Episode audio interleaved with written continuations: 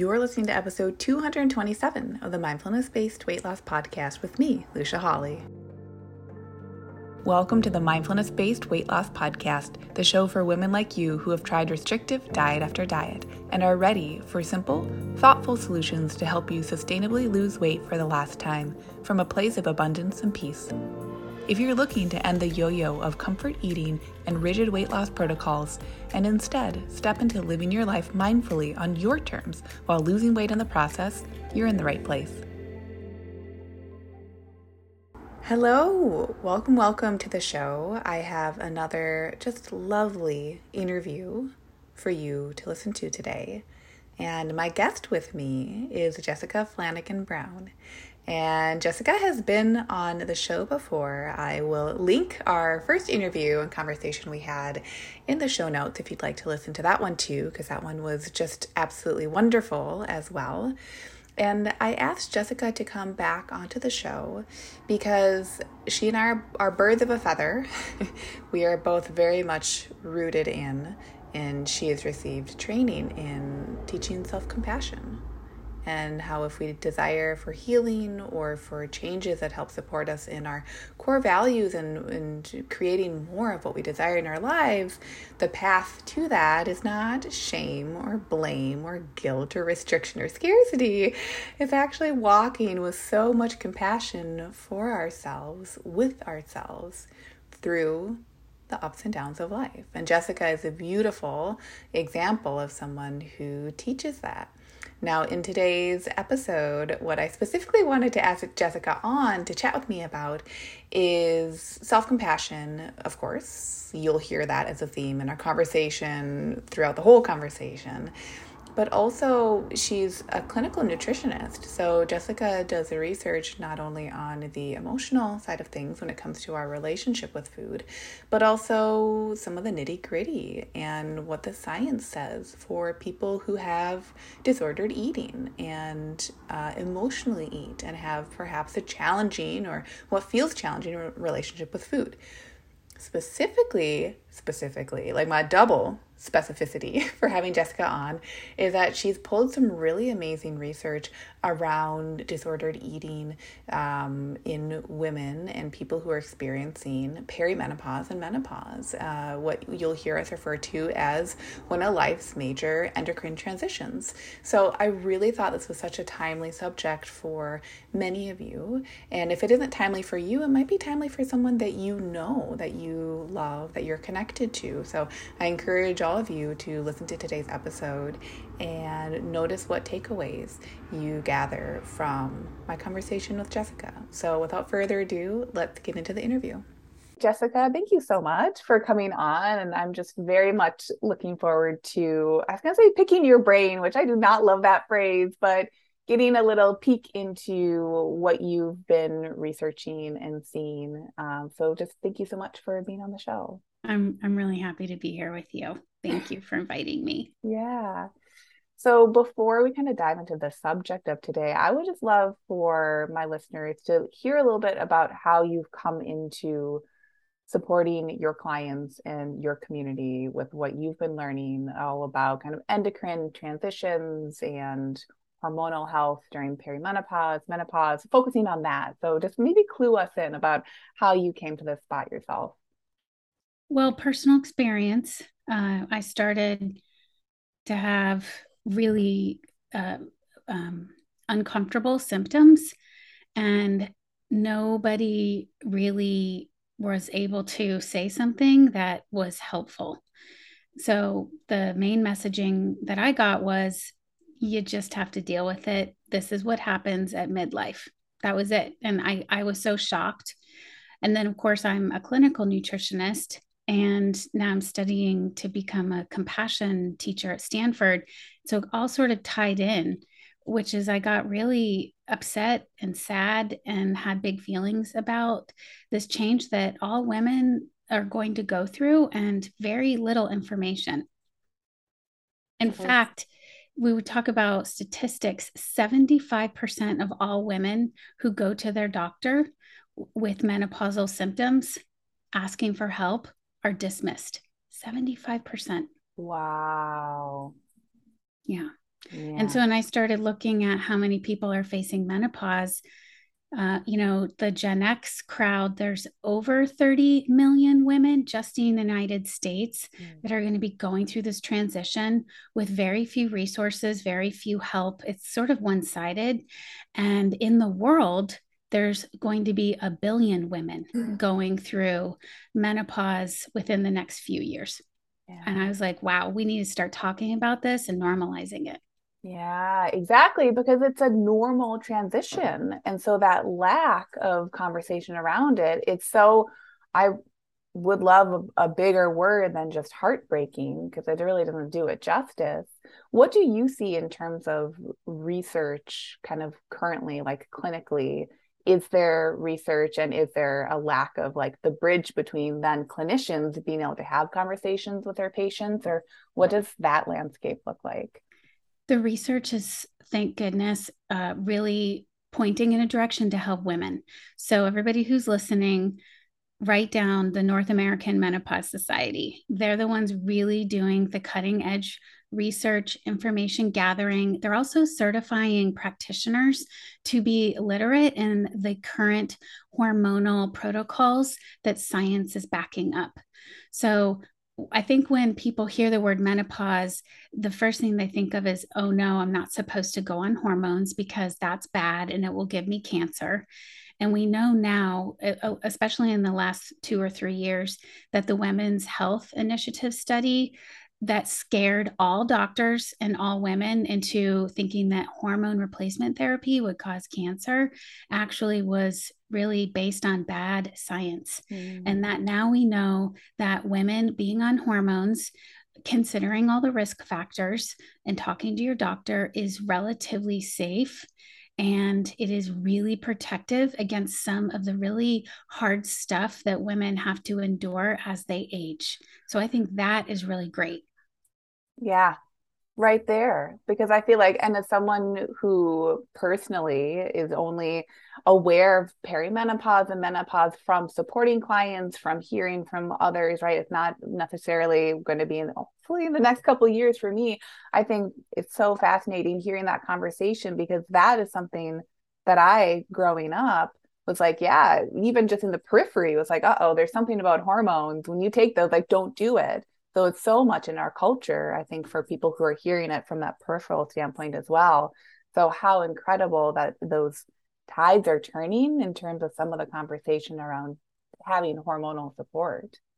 And especially for us having this conversation because our love of food and health and nutrition, it really ties in because estrogen is really important uh, you know, it's it's an it's it's it's a neuroendocrine balancer. So when we look at women who go into menopause, they're not only facing a risk of chronic disease, but they're also facing these neuroendocrine changes that really affect mood mm. and put people at a higher risk for mood disorders, disordered eating, eating disorders, along with all of the chronic illnesses that we hear about, like osteoporosis and cardiovascular disease.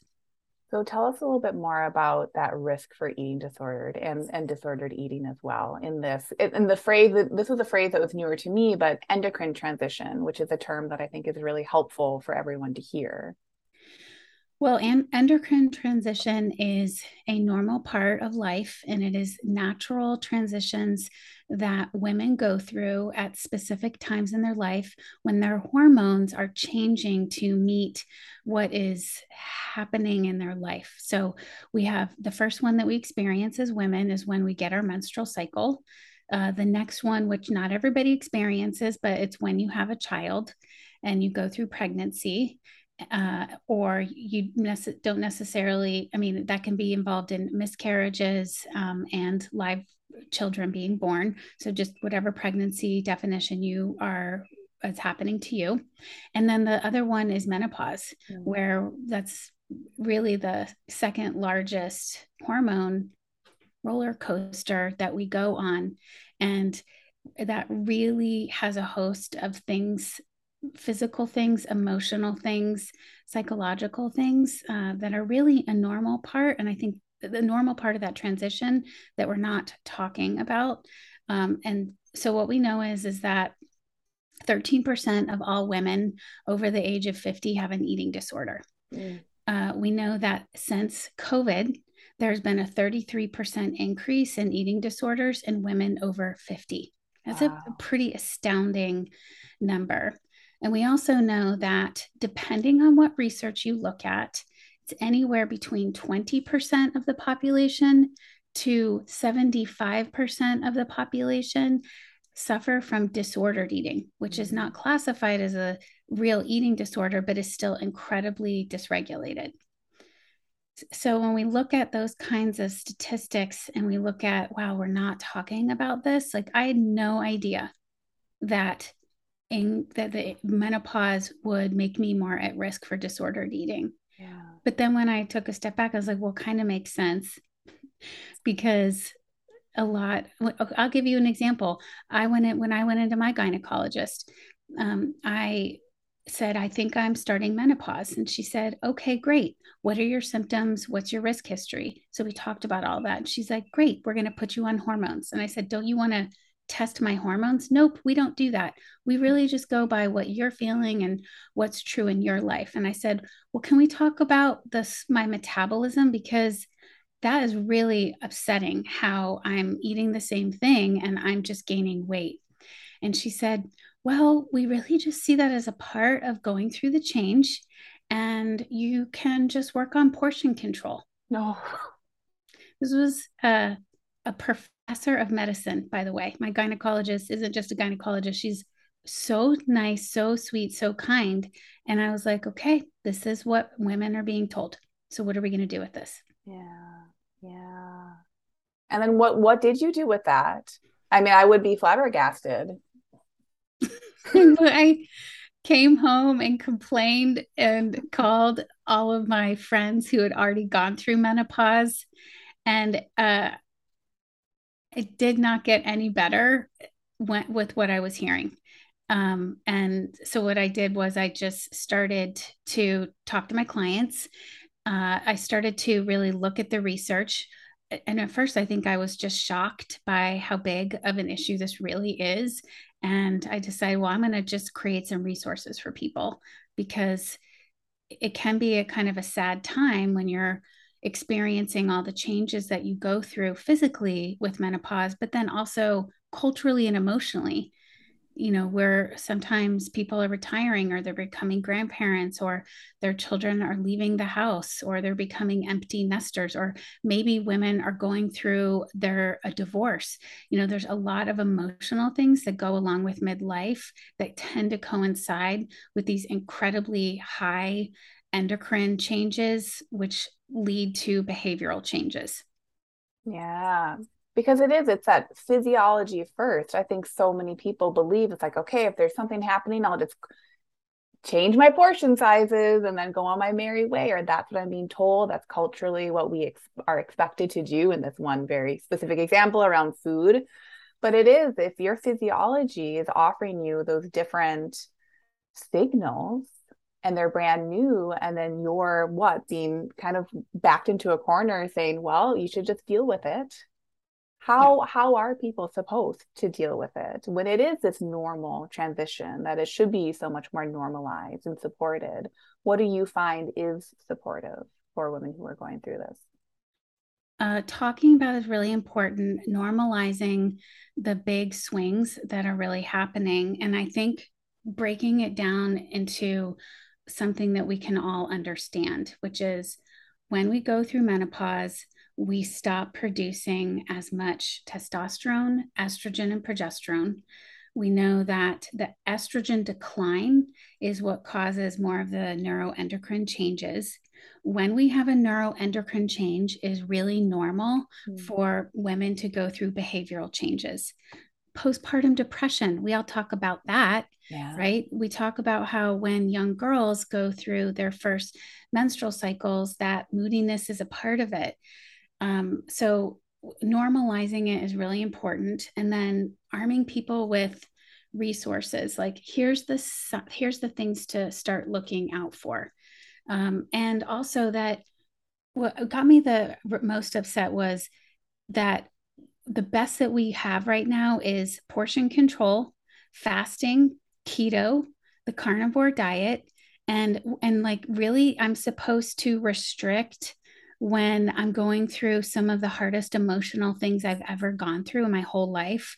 That doesn't like that that seems like it's not going to work either. Seems like a recipe for disaster, whether it's 2 weeks, 2 months, 2 years out from someone who can navigate through extreme restriction. What do we know about restriction? It doesn't usually end up super great on the other side of it. Exactly. And also really important that to consider that a lot of these diets are protein heavy, carb light, and that when we're looking at estrogen declines, neuroendocrine changes, um, that that's not necessarily the best thing for women's bodies. And yet, that's the messaging that we're getting predominantly because cortisol levels rise as we age. And so we know that your adrenal androgens increase, especially right at the precipice of menopause. And we know that when your adrenal androgens increase, your intra abdomen fat increases, but so does your increase for cardiovascular risk. So does your risk for mood disorders and cognition decline. Mm. And so at these hard times, women are just supposed to do intermittent fasting, which can make cortisol levels worse. Yeah. So I think we're kind of coming to, I think, the philosophy we, you and I both share, which is looking at each person and honoring what they want, what their desires are, and that all humans are made differently. And restriction isn't necessarily the answer. Yeah. And not only that, too, I would imagine we'd love to hear your thoughts on this, but like when you're working with an individual, right? And it's kind of, it's, I almost feel like in my work, it's, it's slowing our brains down, right? When we first like say like, no, we can call, like, we can kind of bring it back to the individual, to the person, to the human that's in front of us or that like is ourselves.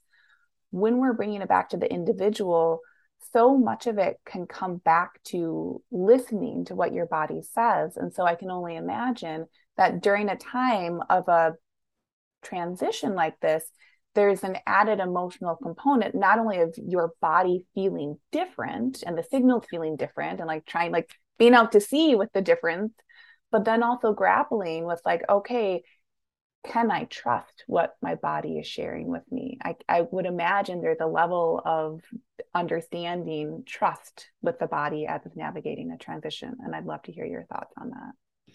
So, trust in the body is interoceptive awareness. So, that's sort of a scientific term, but it really is a simple definition. Interoceptive awareness is our ability to accurately listen and decode signals our body's giving us.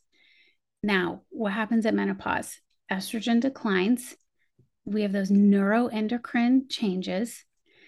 And what happens when we have that with those behavioral changes is an increase in distress tolerance.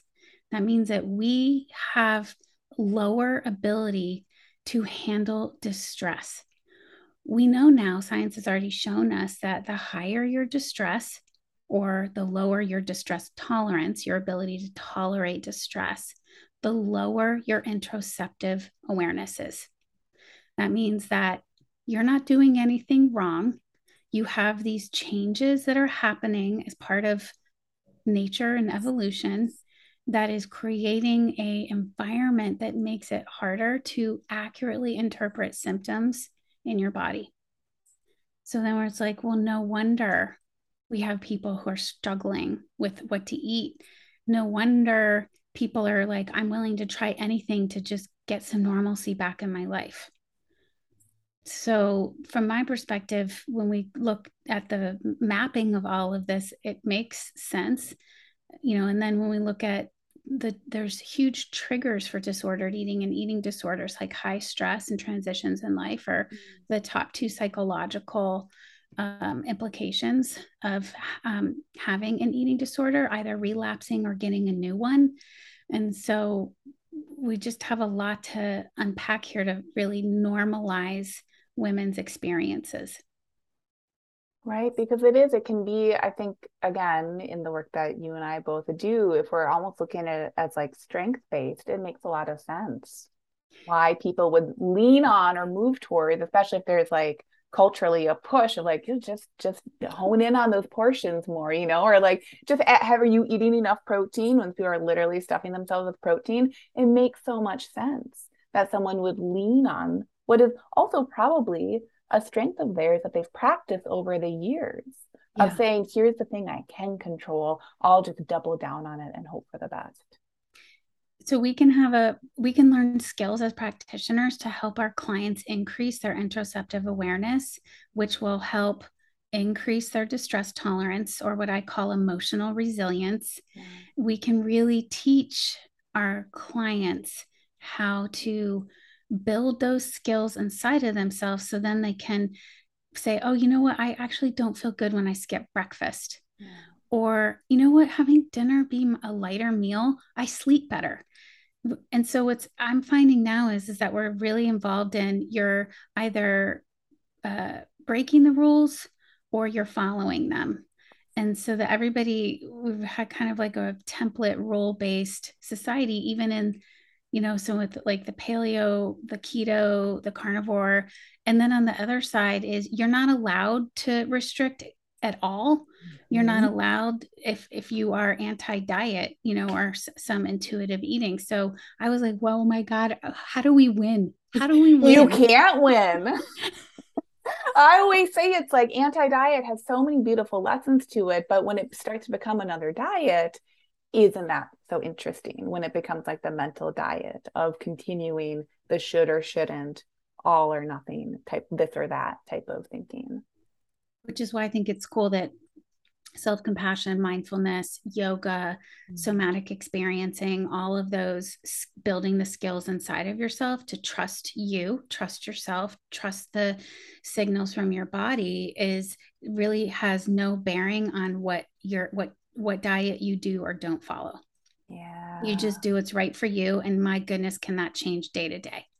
and I think people really need to hear that because also, I think going back to what you're saying about the templates, that is something that's a common theme that I see is that someone will try so hard to find, even when they understand, okay, this is the right diet for me, it is almost like a releasing of control of allowing it to go one step further, of saying, oh, this might be the right diet for me right now. And it might change, whether that's tomorrow, next week, seasonally. That is another level of just like, okay, this is going to be, it's like a meditation practice. Like the practice is being with it. There isn't really an end to it, you know? Yeah, there's an interesting philosophy that in um, women who are still menstruating, and so if you were to look at the average menstrual cycle is 28 to 30 days, and that women experience all four seasons inside their own body every time they have a menstrual cycle. And so, what if we ate in, like, if you look at like eating in the seasons, you know, you're going to eat more carbohydrates at winter, animals do because it helps and eh, you know so so when we look at these things then you can't really go wrong you can only use everything to help build wisdom and the one thing that i heard the scariest thing i heard before i started going through menopause was one of my friends said get ready because when you go through menopause you become invisible. Mm. society sees you as an invisible person now. You don't have the beauty you don't have your you're on the downward slide of your life. You have to just you know face that you're going to gain weight you're going to face that everything is going to sag. And i was like oh my god this is so depressing.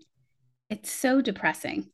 Um, and so i think that one of the valuable things about this conversation when we get away from prescriptive template medicine and diets, then we're allowing the grief of that kind of transition in our life to be felt, to be with us, and to be able to use it to our advantage so that women can go into the crone years with some things that feel they feel good about.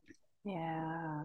and then what and this might sound very basic but like what gets to be the positive of being able to navigate this transition in a way that you feel positively about it like how how is that supportive it might sound so basic but i feel like people just need to hear it from you why is it so important that we do this why is it so important to get the support uh, not feeling alone is really important for our long term health. It's really important for not contracting diseases. It is really important for uh, socio cultural health. You know, there's a huge role that aging women play in our society. And we get to go through this and fulfill the riches of that. Now, I'm still going through this. So you know, I just sent my daughter off to college. So I'm dealing with the grief of that. I'm, you know, I, I, am, have not yet reaped the benefits of all of these things that I hope to really reap. One of the things that I've done is started looking at older women differently mm. and really looking for the happiness that I see even when I go for a walk and I will look to say, oh, look, look, that woman, I know she's gone through menopause and she, look at the quality of her smile. Mm. Look at mm. the quality of it. Looks like she's really having an amazing conversation with somebody else. I think looking at compassion and happiness in other people has been really helpful instead of looking at all of the things that drives us in our 20s and 30s which often are fa- building a family building a career. Yeah yeah. And again yeah that social the social importance of that and really then shifting. It sounds like almost coming deeper into your values too and being able to look towards other people and seeing a representation and working through some beliefs that come along with aging that I personally need to work out and a lot of other women need to work out. Like I don't hold value if I'm older. You know mm. that's something that i'm getting reflected back to me but that's not true.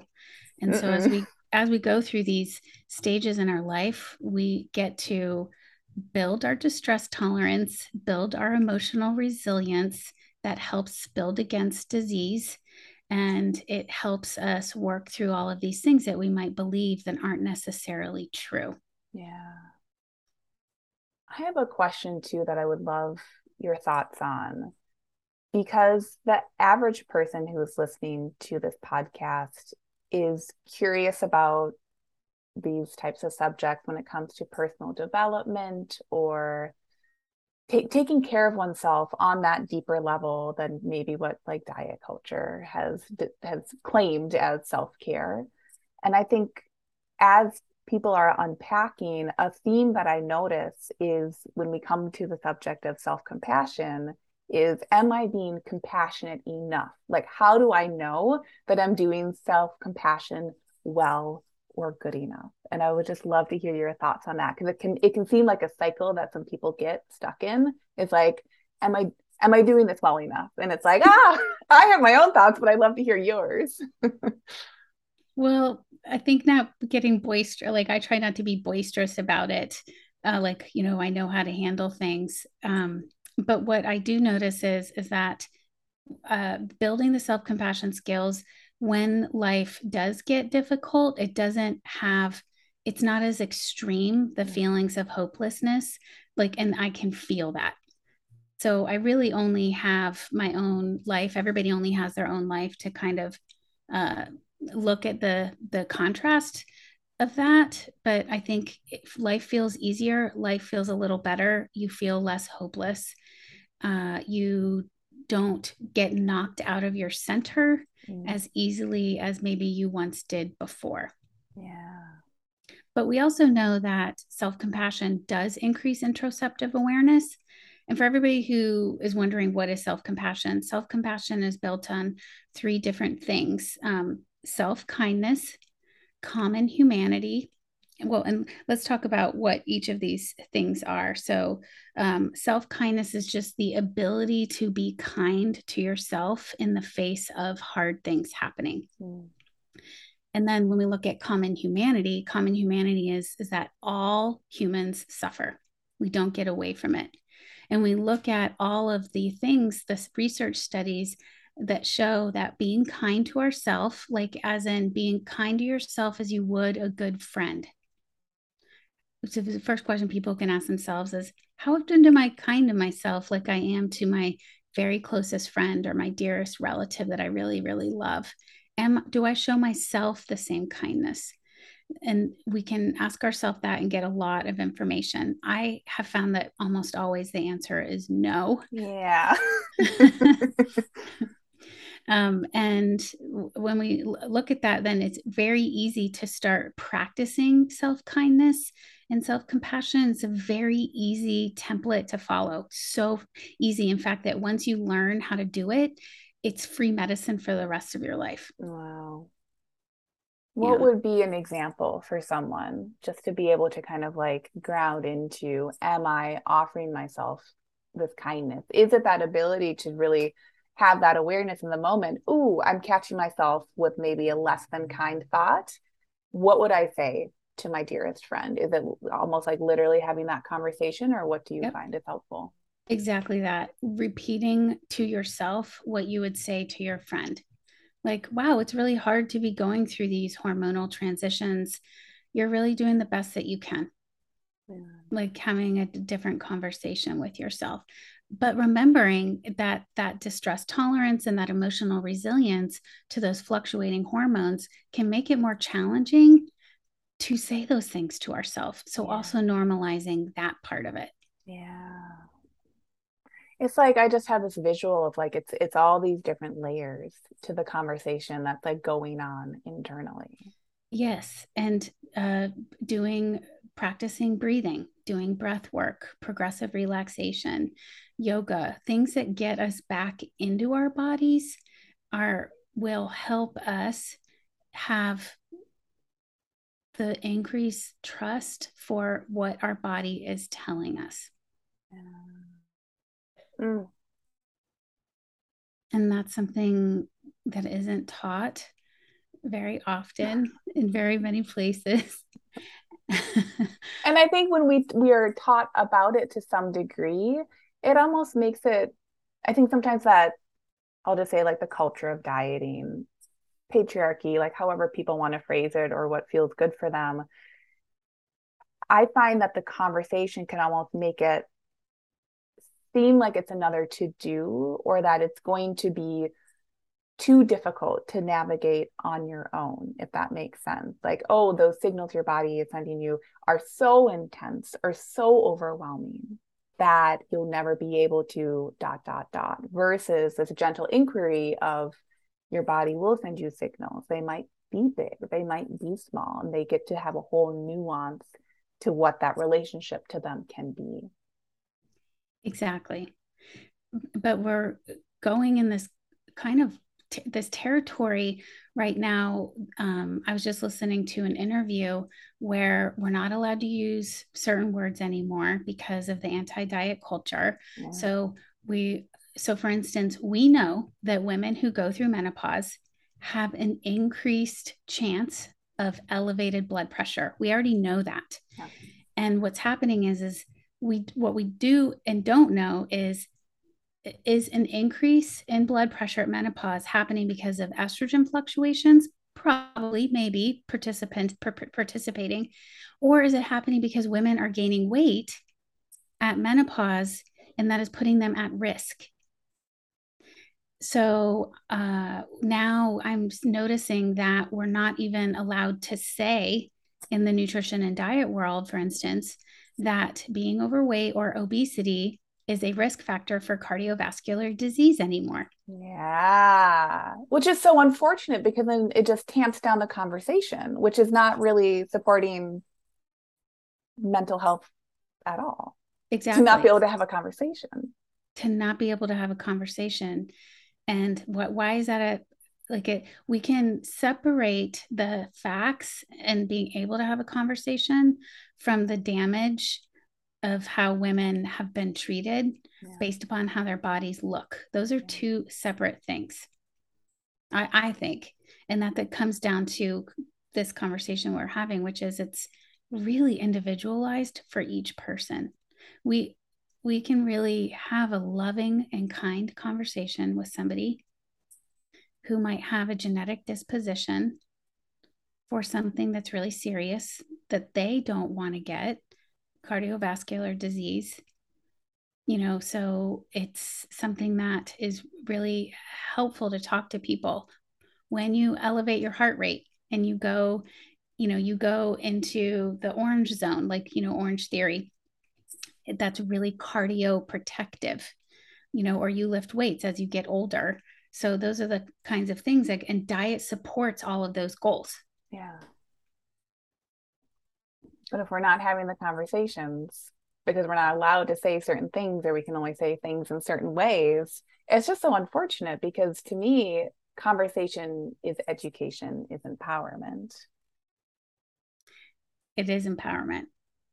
Right. So there you know and it's it's a when we look at the relationship that women have to food and empowerment and we start breaking down how people's relationship with food can be really beneficial and it can be really longevity producing and provoking.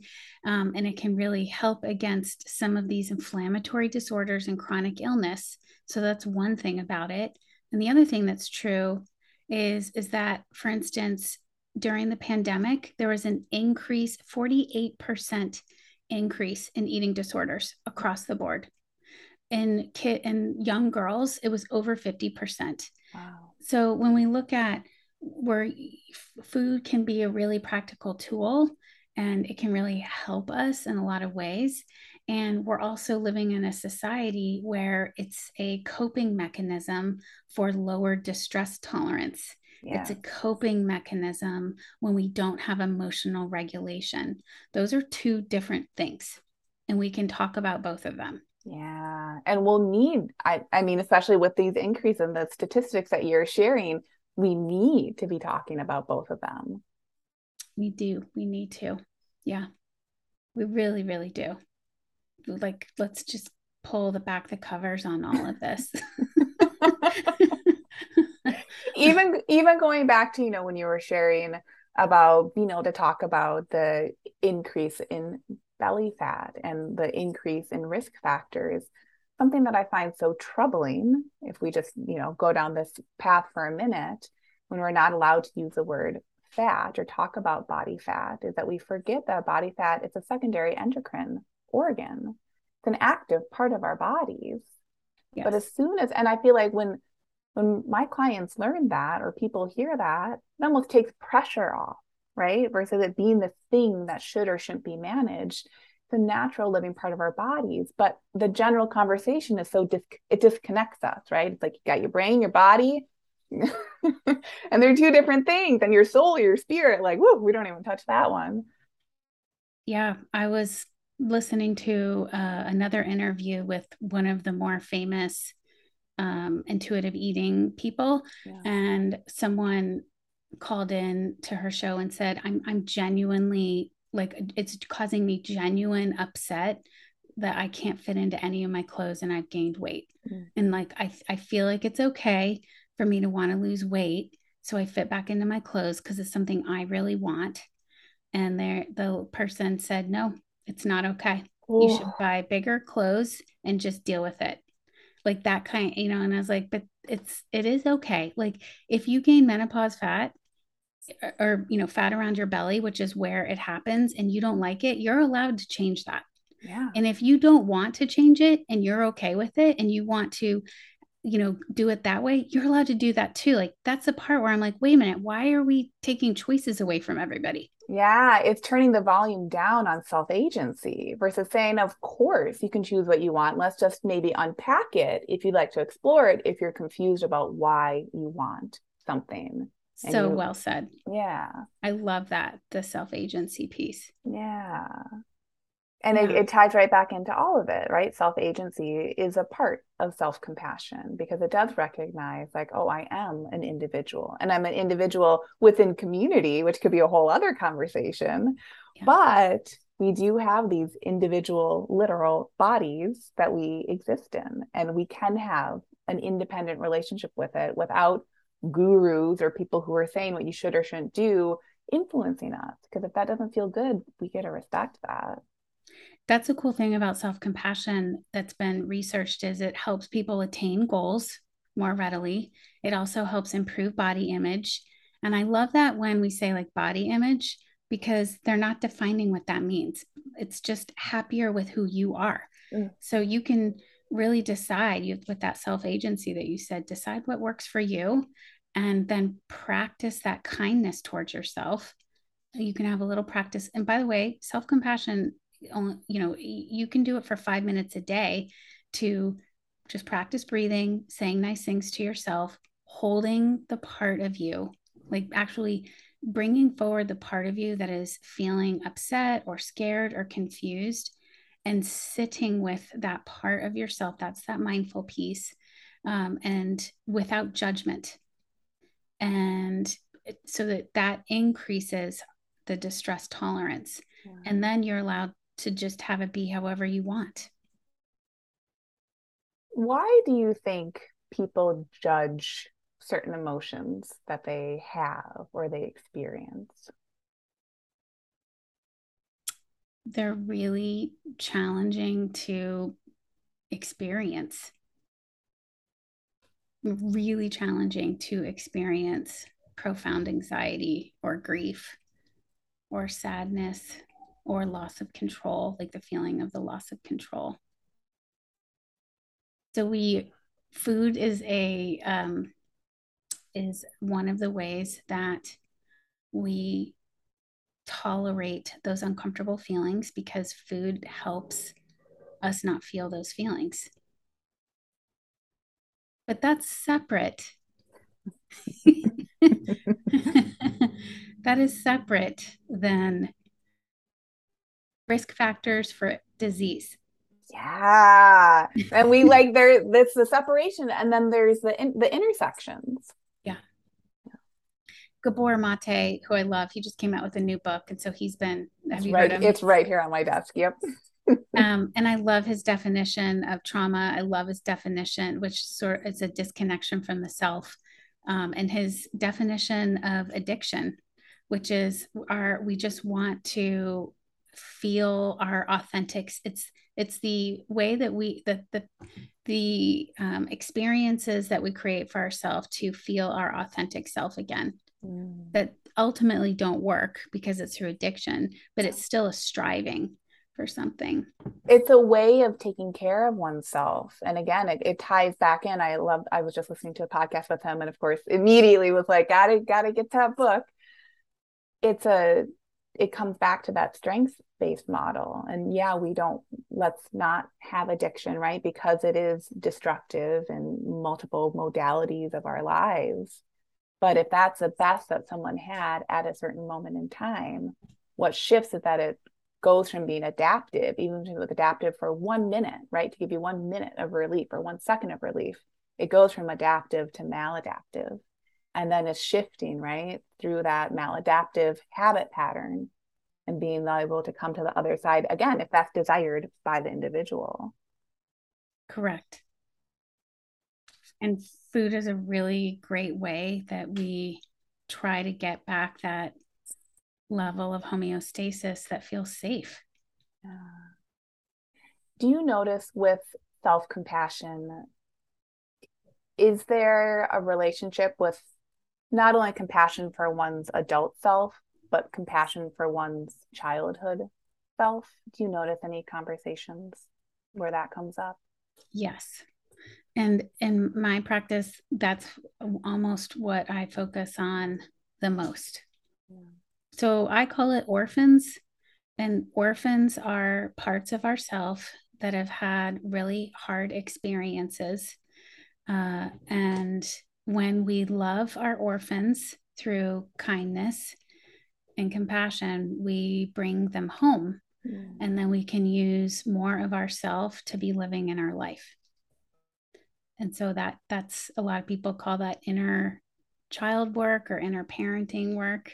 Yeah. uh, but loving the parts of ourselves that have decided something about ourselves that aren't true is really the core of self-compassion work mm. and really heals shame.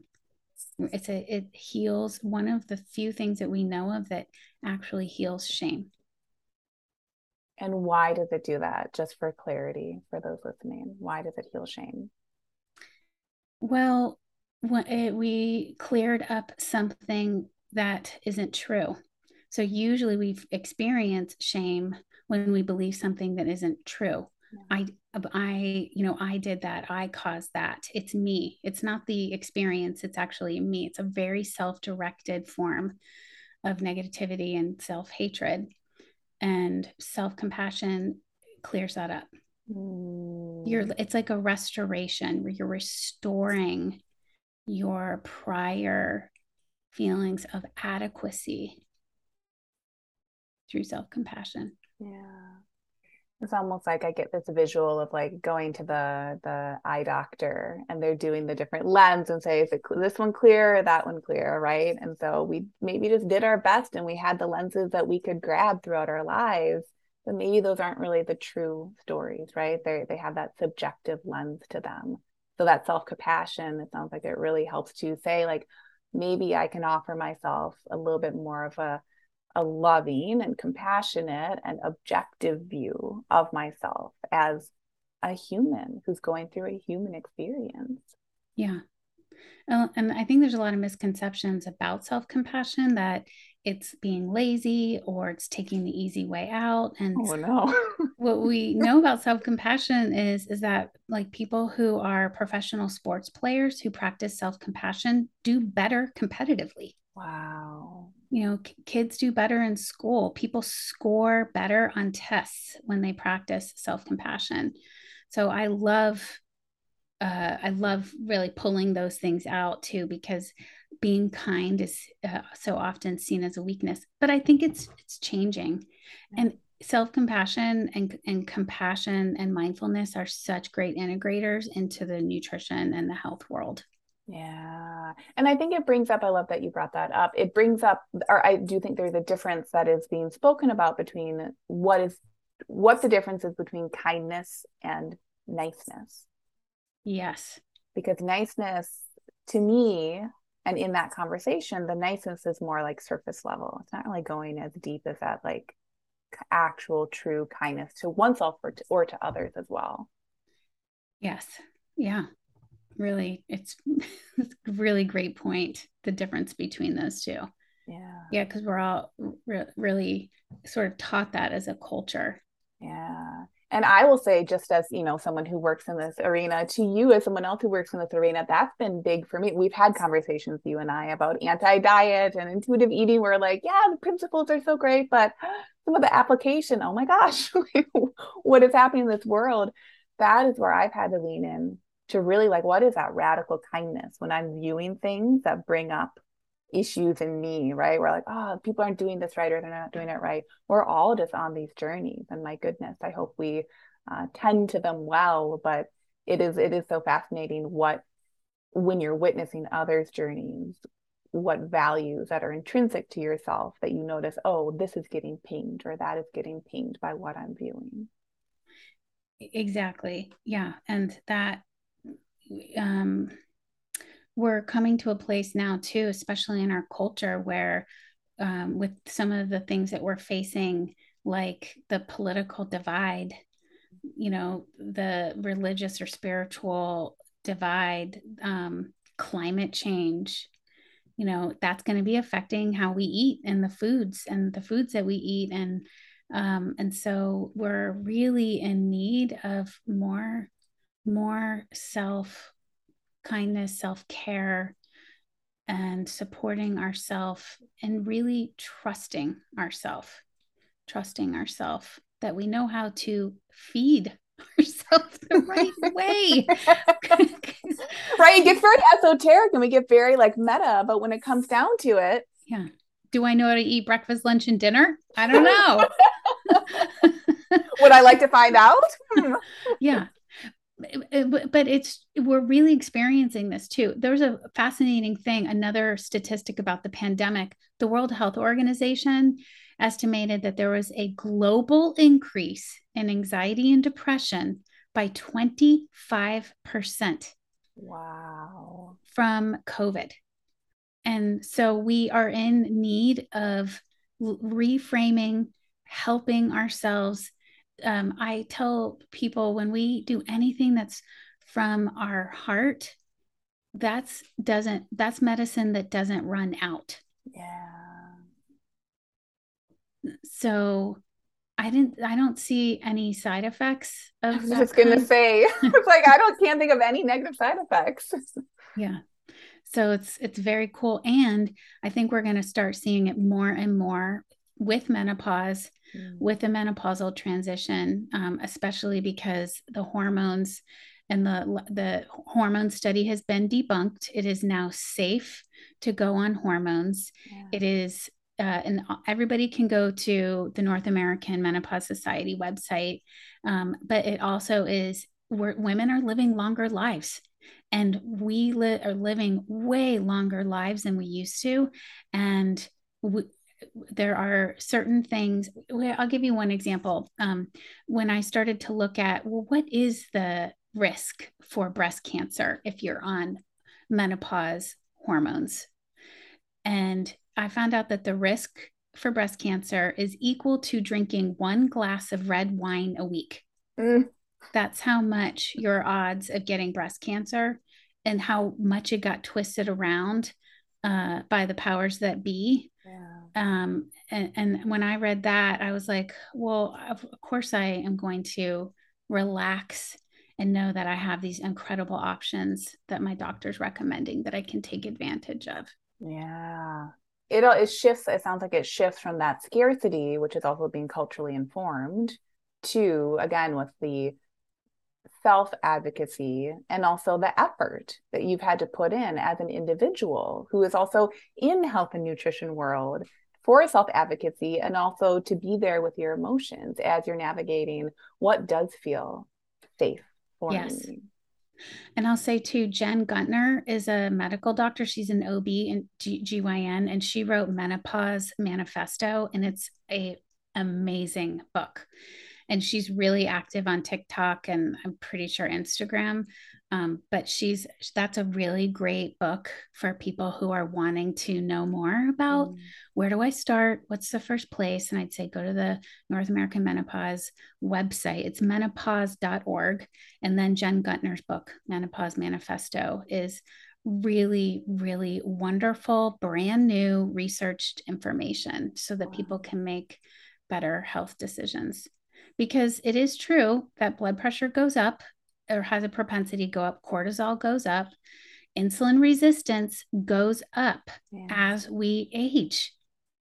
So, like it or not, like that's the other piece.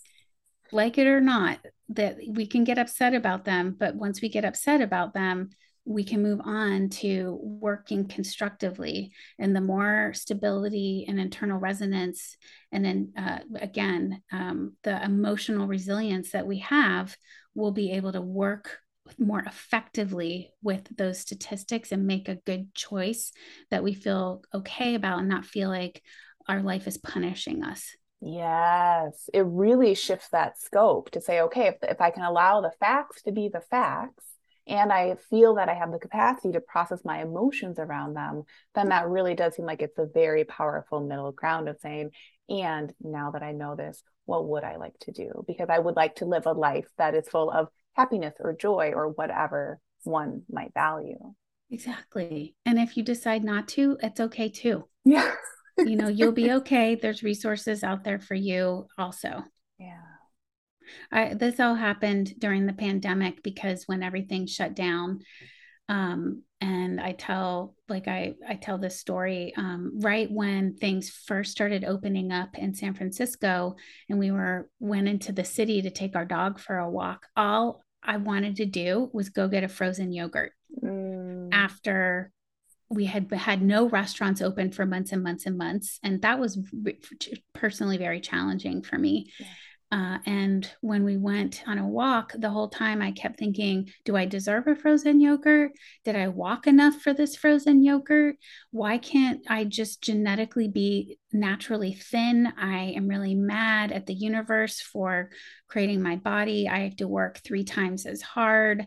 Like there there's some truth to all of that and there was some untruth to all of that conversation yes. and so we got into the car and there's this place in san francisco that has like gourmet greek frozen yogurt and they top it with olive oil and salt. I was so so so excited. And my husband gave it to me and i said i have to be honest and tell you like what went into me getting to this point. Wow.